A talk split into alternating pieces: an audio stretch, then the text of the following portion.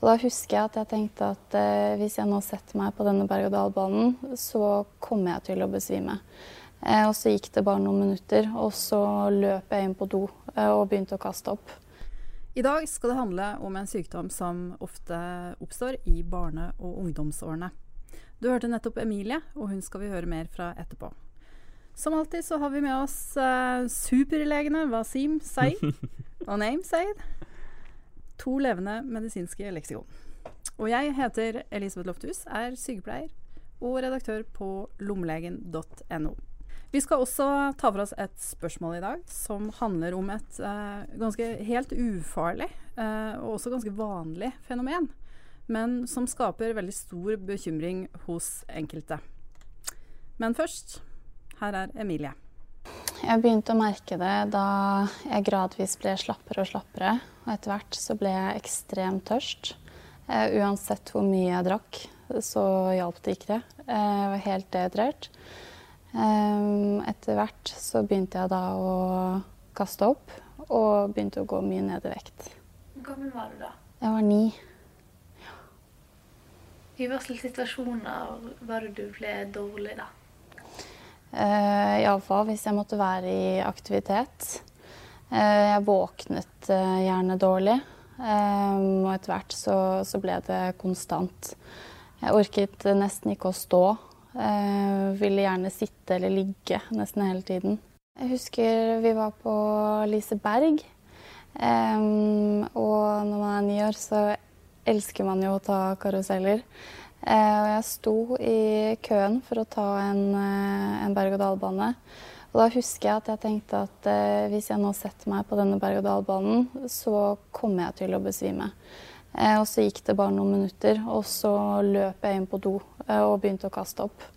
Eh, og da skjønte også foreldrene mine hvor dårlig jeg var. Når gikk du til legen? Jeg hadde vært på ferie med foreldrene mine. Og da vi kom hjem, så var det andre rundt meg som også så hvor mye jeg hadde gått ned i vekt. Fra før jeg hadde vært på ferie og til jeg kom hjem. Pluss at tungen min ble akkurat som Altså, det så nesten ut som en jordbær. Altså, jeg, jeg var så dehydrert at uh, man kunne begynne å se det på hele meg, og da dro vi til legen. Hvor mye tror du hadde gått ned i vekt, da? Jeg mener det var uh, syv kilo på ikke mange uker. Og det er ikke så mye når man Nei, og det er ganske mye når man er ni år. Mm. Det, var, det, var, vanskelig fordi det, det, altså fra sykdomsforløpet eh, startet til det eskalerte veldig. Så det gikk lang tid. Så når man også var sammen med meg hver dag, så tror jeg det var vanskelig å se alle tegnene, da. Hvor lang eh, tid gikk det? Eh, fra det begynte og til jeg ble lagt inn på sykehuset, så gikk det noen måneder. Så det gikk liksom sakte, men sikkert eh, nedover. ja. Emilie er uh, i 20-årene i dag, uh, og det hun forteller om nå, opplevde hun når hun var ni år. Når ei ni år gammel jente blir uh, veldig slapp og tørst, hva kan det være symptom på? Her er det ikke noe tvil om at hun beskriver en diabetes. Og en diabetes type 1, da, får man tro i dette tilfellet her. og, og symptomene på det er jo nettopp at man er veldig tørst fordi man eh, tisser veldig mye. Man mister mye væske. Og grunnen til at man tisser veldig mye, er jo fordi diabetes det gir høyt blodsukker. Og da får du uh, mye uh, sukker i urinen, og det drives da ut, uh, ut av kroppen. Så du taper mye væske, da. Det trekker med seg vannet? Ja, trekker mm. med seg vannet ut. Ja, det er riktig, riktigere å si det. og så er det jo sånn at hun ble jo avmagra. Uh, veldig, gikk ned en del i vekt. Og det er også det at uh, mye av det du spiser, det blir ikke tatt opp eh, som næring. Det, det, forsvinner ut med urin. Altså, ja, Sukkeret renner jo ut. Mm. Kaloriene renner jo ut. Mm. Um, og diabetes mellitus betyr jo søt urin. Mm. Ja. Uh, så det, det, det, er veldig dramatisk, det hun beskriver, at hun i løpet av kort tid mm går ned syv kilo. Mm. Uh, må anta at det er veldig mye for en niåring. Mm. Kaster opp, er slapp, svimer av. Mm.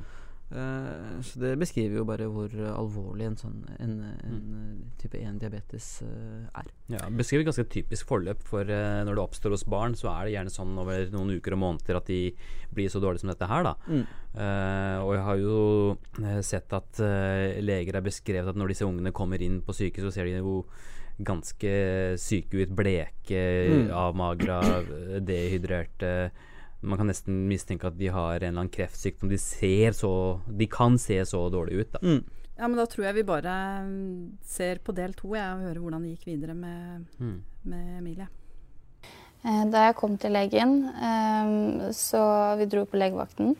Eh, de tok blodprøver av meg og, målte blodsukkeret mitt.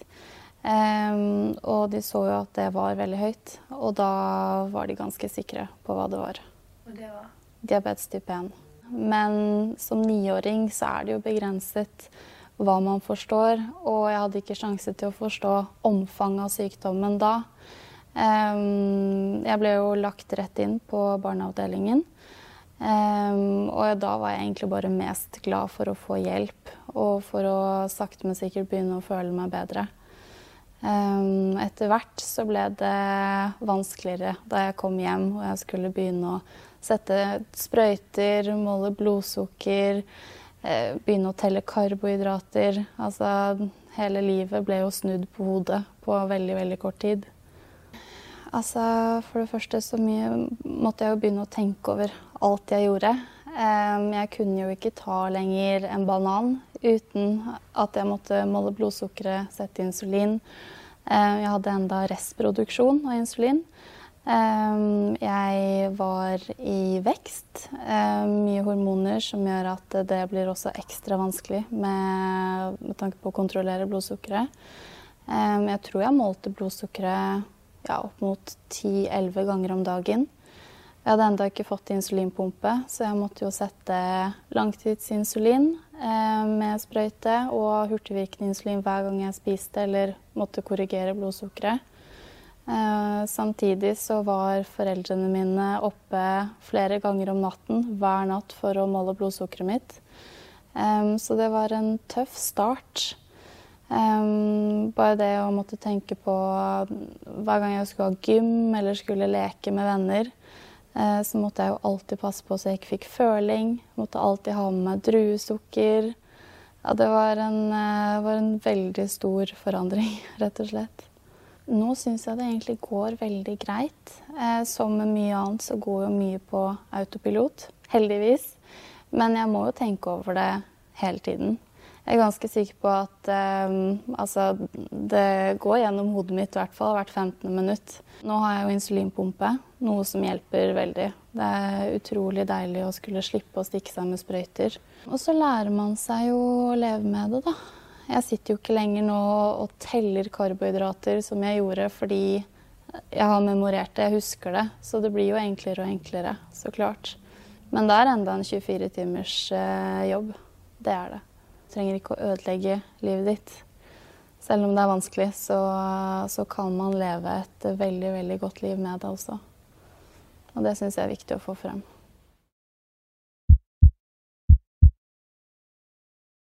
Ja, Emilie ble altså lagt inn på sykehus, og hun fikk eh, diagnosen diabetes type 1.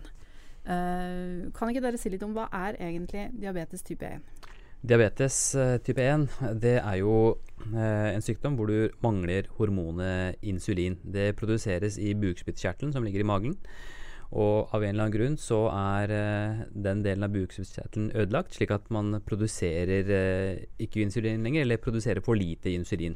Det insulin skal gjøre, det er å ta eh, sukkeret som du spiser, eller uh, karbohydratet som du spiser, og frakte det inn i cellene dine og, og, og lagre det. hvis du ikke har insulin, så får du ikke gjort den jobben. Og da uh, blir uh, sukkeret bare gående i blodet. Du får høyt blodsukker. Og så går det ut med urinen, og du taper det der. Men hva er egentlig forskjellen på For det finnes jo flere diabetestyper. Mm. Hva er egentlig forskjell på diabetes 1 og diabetes 2? Grovt sett så kan man si at det fins uh, to, uh, to til tre typer uh, diabetes. Du har diabetes type 1, som du beskrev veldig godt, Wasim. Så har du diabetes type 2. og til slutt det som kalles for svangerskapsdiabetes. Forskjellen mellom type 1 og type 2 er at pasienter med diabetes type 2 mangler ikke hormonet insulin. Mm. De har derimot uh, en tilstand hvor uh, insulinet ikke virker godt nok. Mm. Uh, I mange tilfeller så kan de ha veldig høye nivåer av insulin i kroppen. Uten at de får den effekten de skulle ha hatt av insulinet sitt. Og resultatet blir det samme uh, sukkeret, eller glukosen, blir gående i blodbanen mm. og kommer ikke godt nok inn i cellene. Man tisser det ut, man taper mye krefter på den måten. Og man kan uh, gå ned i vekt, uh, ha alle de symptomene som er assosiert med type 1-diabetes også. Så er det jo nettopp derfor at behandlinga ved type 1 og type 2 ofte er ganske ulik.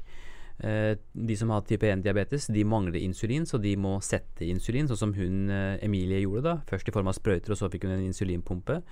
Mens eh, de fleste pasienter med diabetes type 2, i hvert fall i begynnelsen, ikke trenger å ta insulin, for det har de. De må derimot bruke andre medisiner som får ned blodsukkeret. Ja. Altså, litt kort på svangerskapsdiabetes også, da, siden vi har introdusert det begrepet. Det er en type diabetes som oppstår under eh, svangerskapet. Um, ligner nok mer på, ligner mer på type 2-diabetes. Um, trenger ikke insulin, og det går over Stort sett så trenger de ikke insulin. Og så, og så forsvinner det igjen når eh, svangerskapet er over. Men pasienter som har hatt svangerskapsdiabetes, løper en høyere risiko for å utvikle type 2-diabetes senere i livet. Men, men, litt tilbake til uh, type, type 1. Uh, eh, Emilie viste jo en sånn uh, insulinpumpe mm. som hun brukte. Hvordan fungerer den? Ja, Det er veldig fint. Det finnes ulike typer der også. men de mest moderne, kan du si, der, de, der, består pumpa av egentlig to bestanddeler. Du har noe Et sted så sitter det en, en måler eh, som måler eh, vevsglukose. Dvs. Si at den sitter og monitorerer og følger med på hva, hvor mye sukker du har i kroppen. Og avhengig av det så gir den beskjed til pumpa hvor mye insulin som skal settes. Eh, så det er på en måte den mest moderne typen som, eh, som finnes nå, da. Eh, og, eh, og, det er veldig enkelt. Det har, det har gjort det veldig enkelt for de som har det. Da slipper man ikke å tenke så mye over det. Men så er det jo slik at uh, hun, hun, beskriver jo veldig godt at hun måtte sette langtidsinsulin, og så måtte hun sette sånn hurtiginsulin hver gang hun skulle spise. Det er slik at kroppen har behov for litt insulin hele tiden. Mm. Og så må man ha litt mer når man spiser, for mm. å ta unna den uh, de næringsstoffene som kommer med et måltid. Og Gjerne så bruker man uh, pumpa til å dosere den grunndosen. Og så kan man uh, med penn uh, stikke seg hvis man skal spise rundt måltider etc. Der finnes det også ulike typer. Ja, du har de som, som du sier, at de gir litt insulin hele tiden. Uh, men når du spiser, så trykk på en knapp, ja. uh, så gir den litt ekstra mm. for, i forbindelse med måltidet. Så det finnes uh, egentlig ganske mange ulike løsninger som kommer nå, enda flere i fremtiden. Ja. Det er et veldig eh, spennende space. Jeg jobber jo mye med teknologi og e-helse, og diabetes er en av de områdene hvor det jobbes veldig mm. mye. Uh, hvis man ser veldig enkelt på det, så kunne man jo tenke seg at hvis man hele tiden målte blodsukkeret og ga tilsvarende dose insulin, så ville man jo erstatte den bukspyttkjertelen som var blitt ødelagt. Mm. Uh, og, og, sånne løsninger jobbes det med. Mm. Det er uh, selskaper som prøver å lage Gjøre livet lettere for pasienter med diabetes. Det er bra. Uh, Emilie hun var jo veldig ung da uh, når hun fikk sykdommen sin. Men det er vel kanskje også ganske vanlig ved um, diabetes 1 at det mm. debuterer da i barne- og ungdomsårene. Mm. Mens diabetes 2 som vi snakka om i stad, det er vel mer voksne, og gjerne godt voksne, som det, får det, det, er helt riktig type 1-diabetes. Diabetes type 1 uh, eh, viser seg først i, i gjerne i barneårene, tenårene. Mens diabetes type 2 uh, ser man gjerne senere 40 pluss. Det er sjelden man ser det før 40-50-årene. Og så er det også det at uh, diabetes type 1 det er en, en, en såkalt autoimmun sykdom. Mm. Hvor det er ha, Av en eller annen grunn så har kroppen bestemt seg for å ødelegge disse, disse cellene i bukspyttkjertelen uh, som produserer insulin. Langerhanske øyer, som det heter. Mm. Uh, og mens ved diabetes type 2 så er det i større grad en livsstilssykdom. Som på en måte vi vet da at hvis du i mange år har hatt en, en ugunstig livsstil da, med, med, lite fysisk aktivitet og, og uheldig kosthold, så kan det føre til diabetes eh, type 2. Selv om det også der er eh, noe genetikk eh, altså Jeg vil jo involvert. moderere det der lite grann. Ja. Eh, for, um, for, det første så er det slik at um, de aller fleste pasienter med diabetes har diabetes type 2. Hmm. Det er eh, globalt, og, men også i Norge, den vanligste typen mm. eh, diabetes. Um, og så er det slik at Den viktigste risikofaktoren for uh, diabetes type 2 er alder. Mm. Det er en uh, sykdom for voksne mennesker. Uh, det andre er genetiske faktorer. Genetiske faktorer får man ikke gjort så mye med. Man kan liksom ikke velge sine foreldre, og man kan heller ikke velge hvor gammel man er. men Uh, en del livsstilsfaktorer, som f.eks. overvekt, uh, spiller også en veldig sentral rolle her. Som følge av fysisk inaktivitet ja, og dårlig kosthold. Jeg har hørt professorene nå da, ja. mener jo nå at genetikk spiller nok mindre rolle enn man har trodd tidligere mm. ved type 2-diabetes, og at mm. det er i, i, enda større grad nå antas å være en livsstilssykdom. Ja. Mm. Dette er jo en sykdom som man har hatt kjennskap til veldig lenge. Eh, for tusener år siden, altså 3000-4000 år siden, så hadde jo inderne skjønt dette her, faktisk. Og de, de, de kalte det for madhumea, som betyr honningurin. Yes. For de så at pasienter som hadde denne sykdommen, eh, deres urin tiltrakk seg eh, maur og andre insekter i større grad enn annen urin. Og det, og det var pga. Eh, det sukkertapet. da. Og sånn var det vel også i, i, Norge. Hvis vi går litt sånn tilbake i historien, så var det jo faktisk sånn at uh, legene diagnostiserte ved å smake på urinen at, uh, at det smakte søtt. Stemmer mm. ikke det? Ja, det, det som vi ja. nevnte tidligere, diabetes mellitus betyr jo mm. det, er det fulle navnet, da. Diabetes mm. mellitus. Mm. Betyr jo uh, søt urin. Mm. og det var det man kunne stille diagnosen på.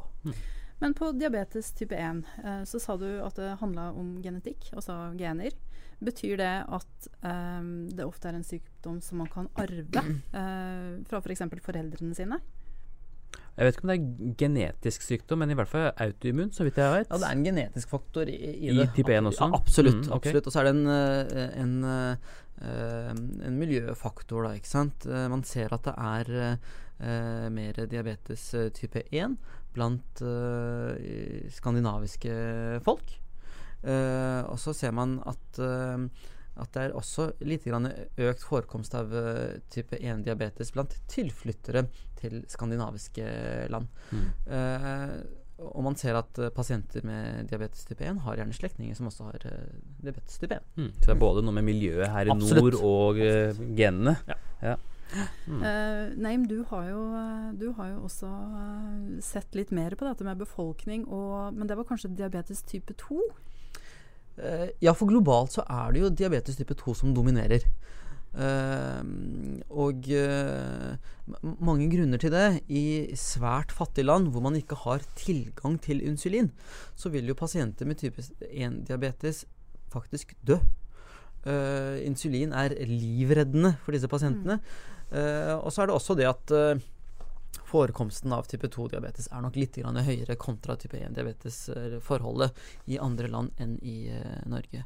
Så globalt så snakker man gjerne om type 2-diabetes når man snakker diabetes. Men det er også høyere forekomst av diabetes type 2 blant innvandrerbefolkningen i Norge, i hvert fall deler av den, sammenlignet med norske befolkningen generelt. stemmer ikke det? Ja, det er veldig morsomt. At, nei, det er jo ikke morsomt, men det er veldig interessant. Det er veldig interessant. Fordi um, globalt så er det uh, Det finnes samfunn som har veldig høy forekomst av uh, diabetes. Det finnes uh, sånne stillehavsøyer som har omtrent 50 uh, av den voksne befolkningen 50% har type 2-diabetes.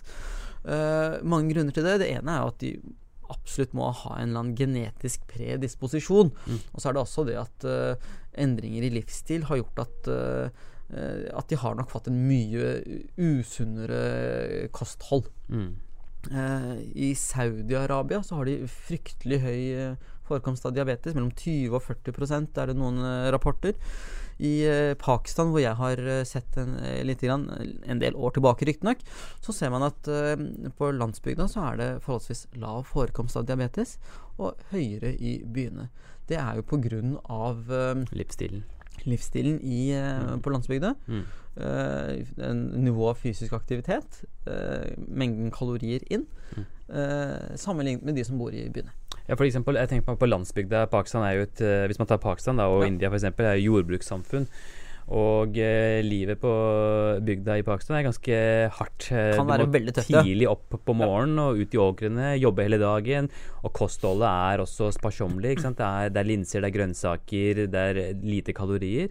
Så de holder seg slanke. Uh, mens i byene, og kanskje spesielt etter at de har flyttet, mange av de har flytta til, uh, mm. til Norge, og så har jo velstanden økt. Det som tidligere var festmat, Eh, med nanbrød og tikka masala og sånne ting, har jo blitt eh, dagligdags. ikke sant? Og så har man heller ikke den fysiske aktiviteten som man hadde før. Og det har jo ført til at uh, forekomsten av uh, diabetes blant folk fra f.eks. Uh, India, Pakistan, Sri Lanka her i Norge uh, har blitt høyere enn i befolkningen ellers. Ja.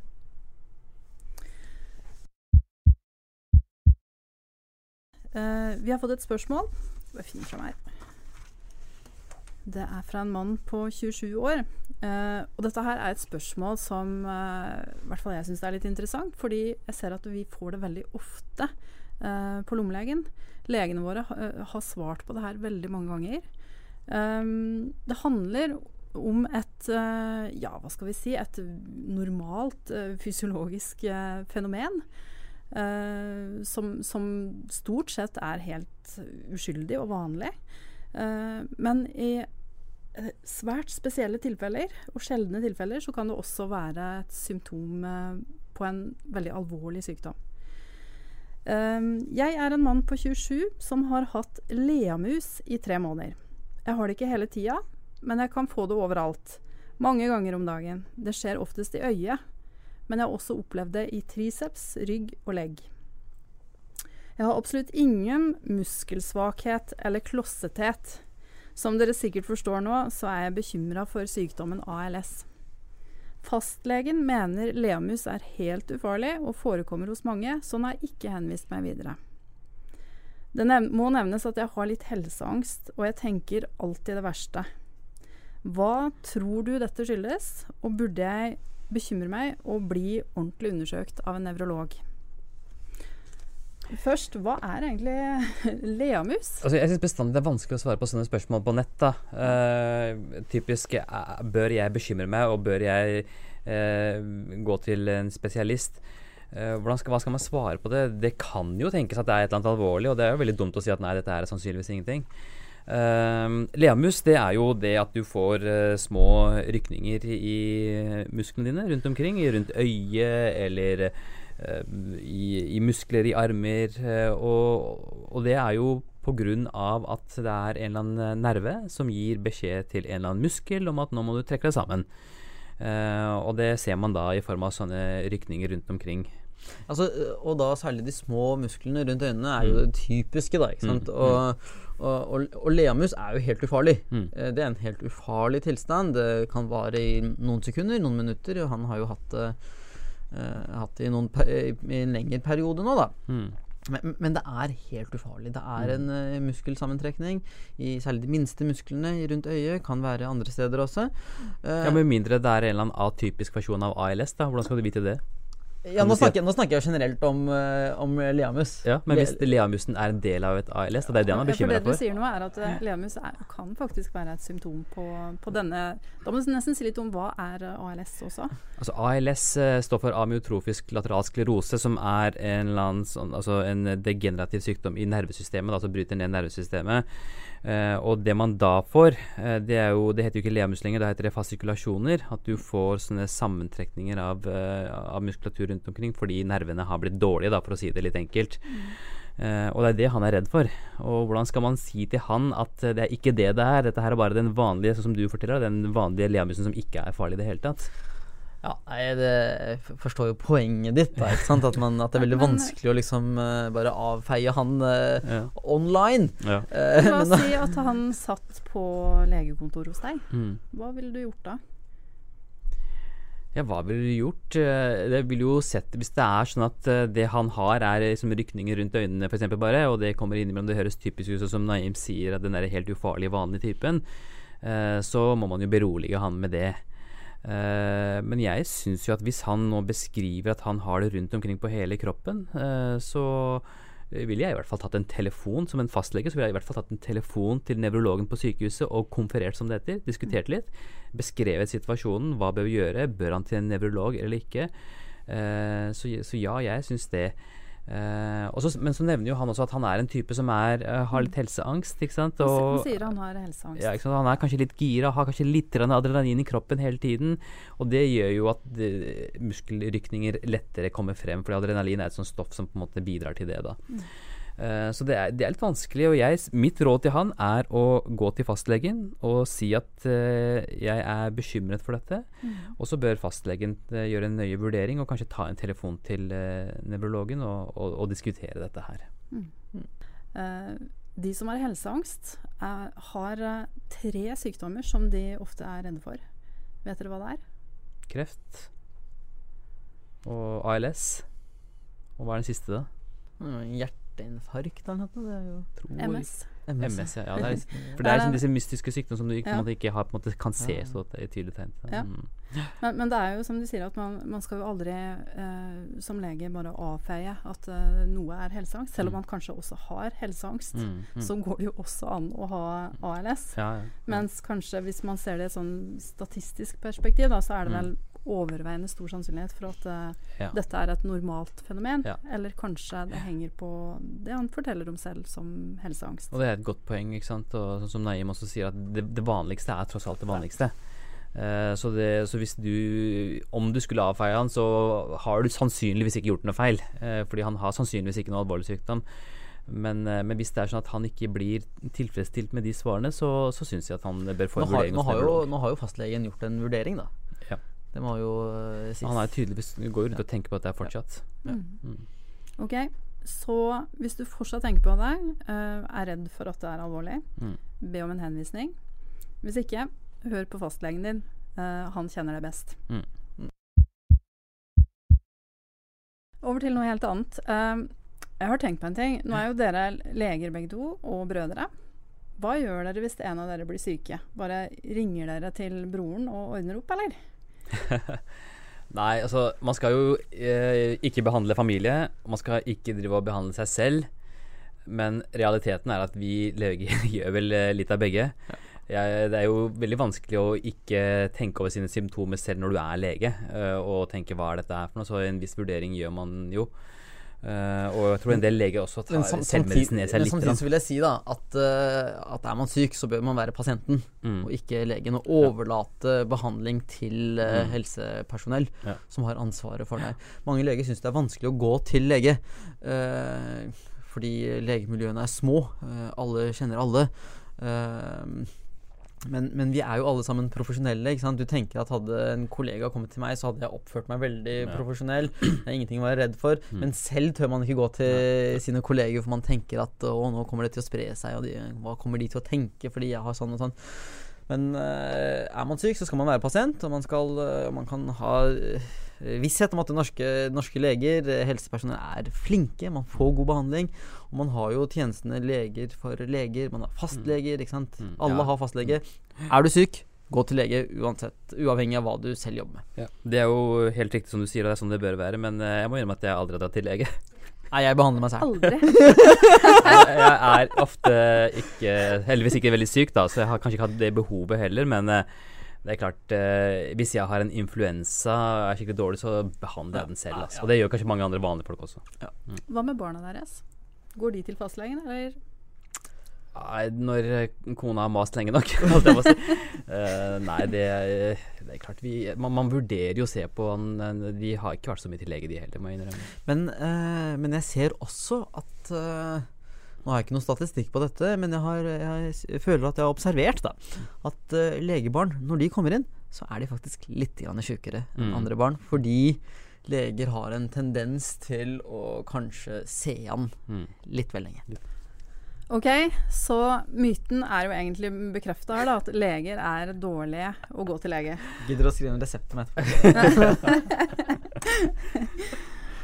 ok, det var alt vi hadde i dag. Um, vi som lager denne serien, heter uh, Wasim Seid, Name Seid, Elisabeth Lofthus. Produsent var uh, Marie Røsland. Uh, følg oss på YouTube. Abonner. Følg, og abonner gjerne også på podkasten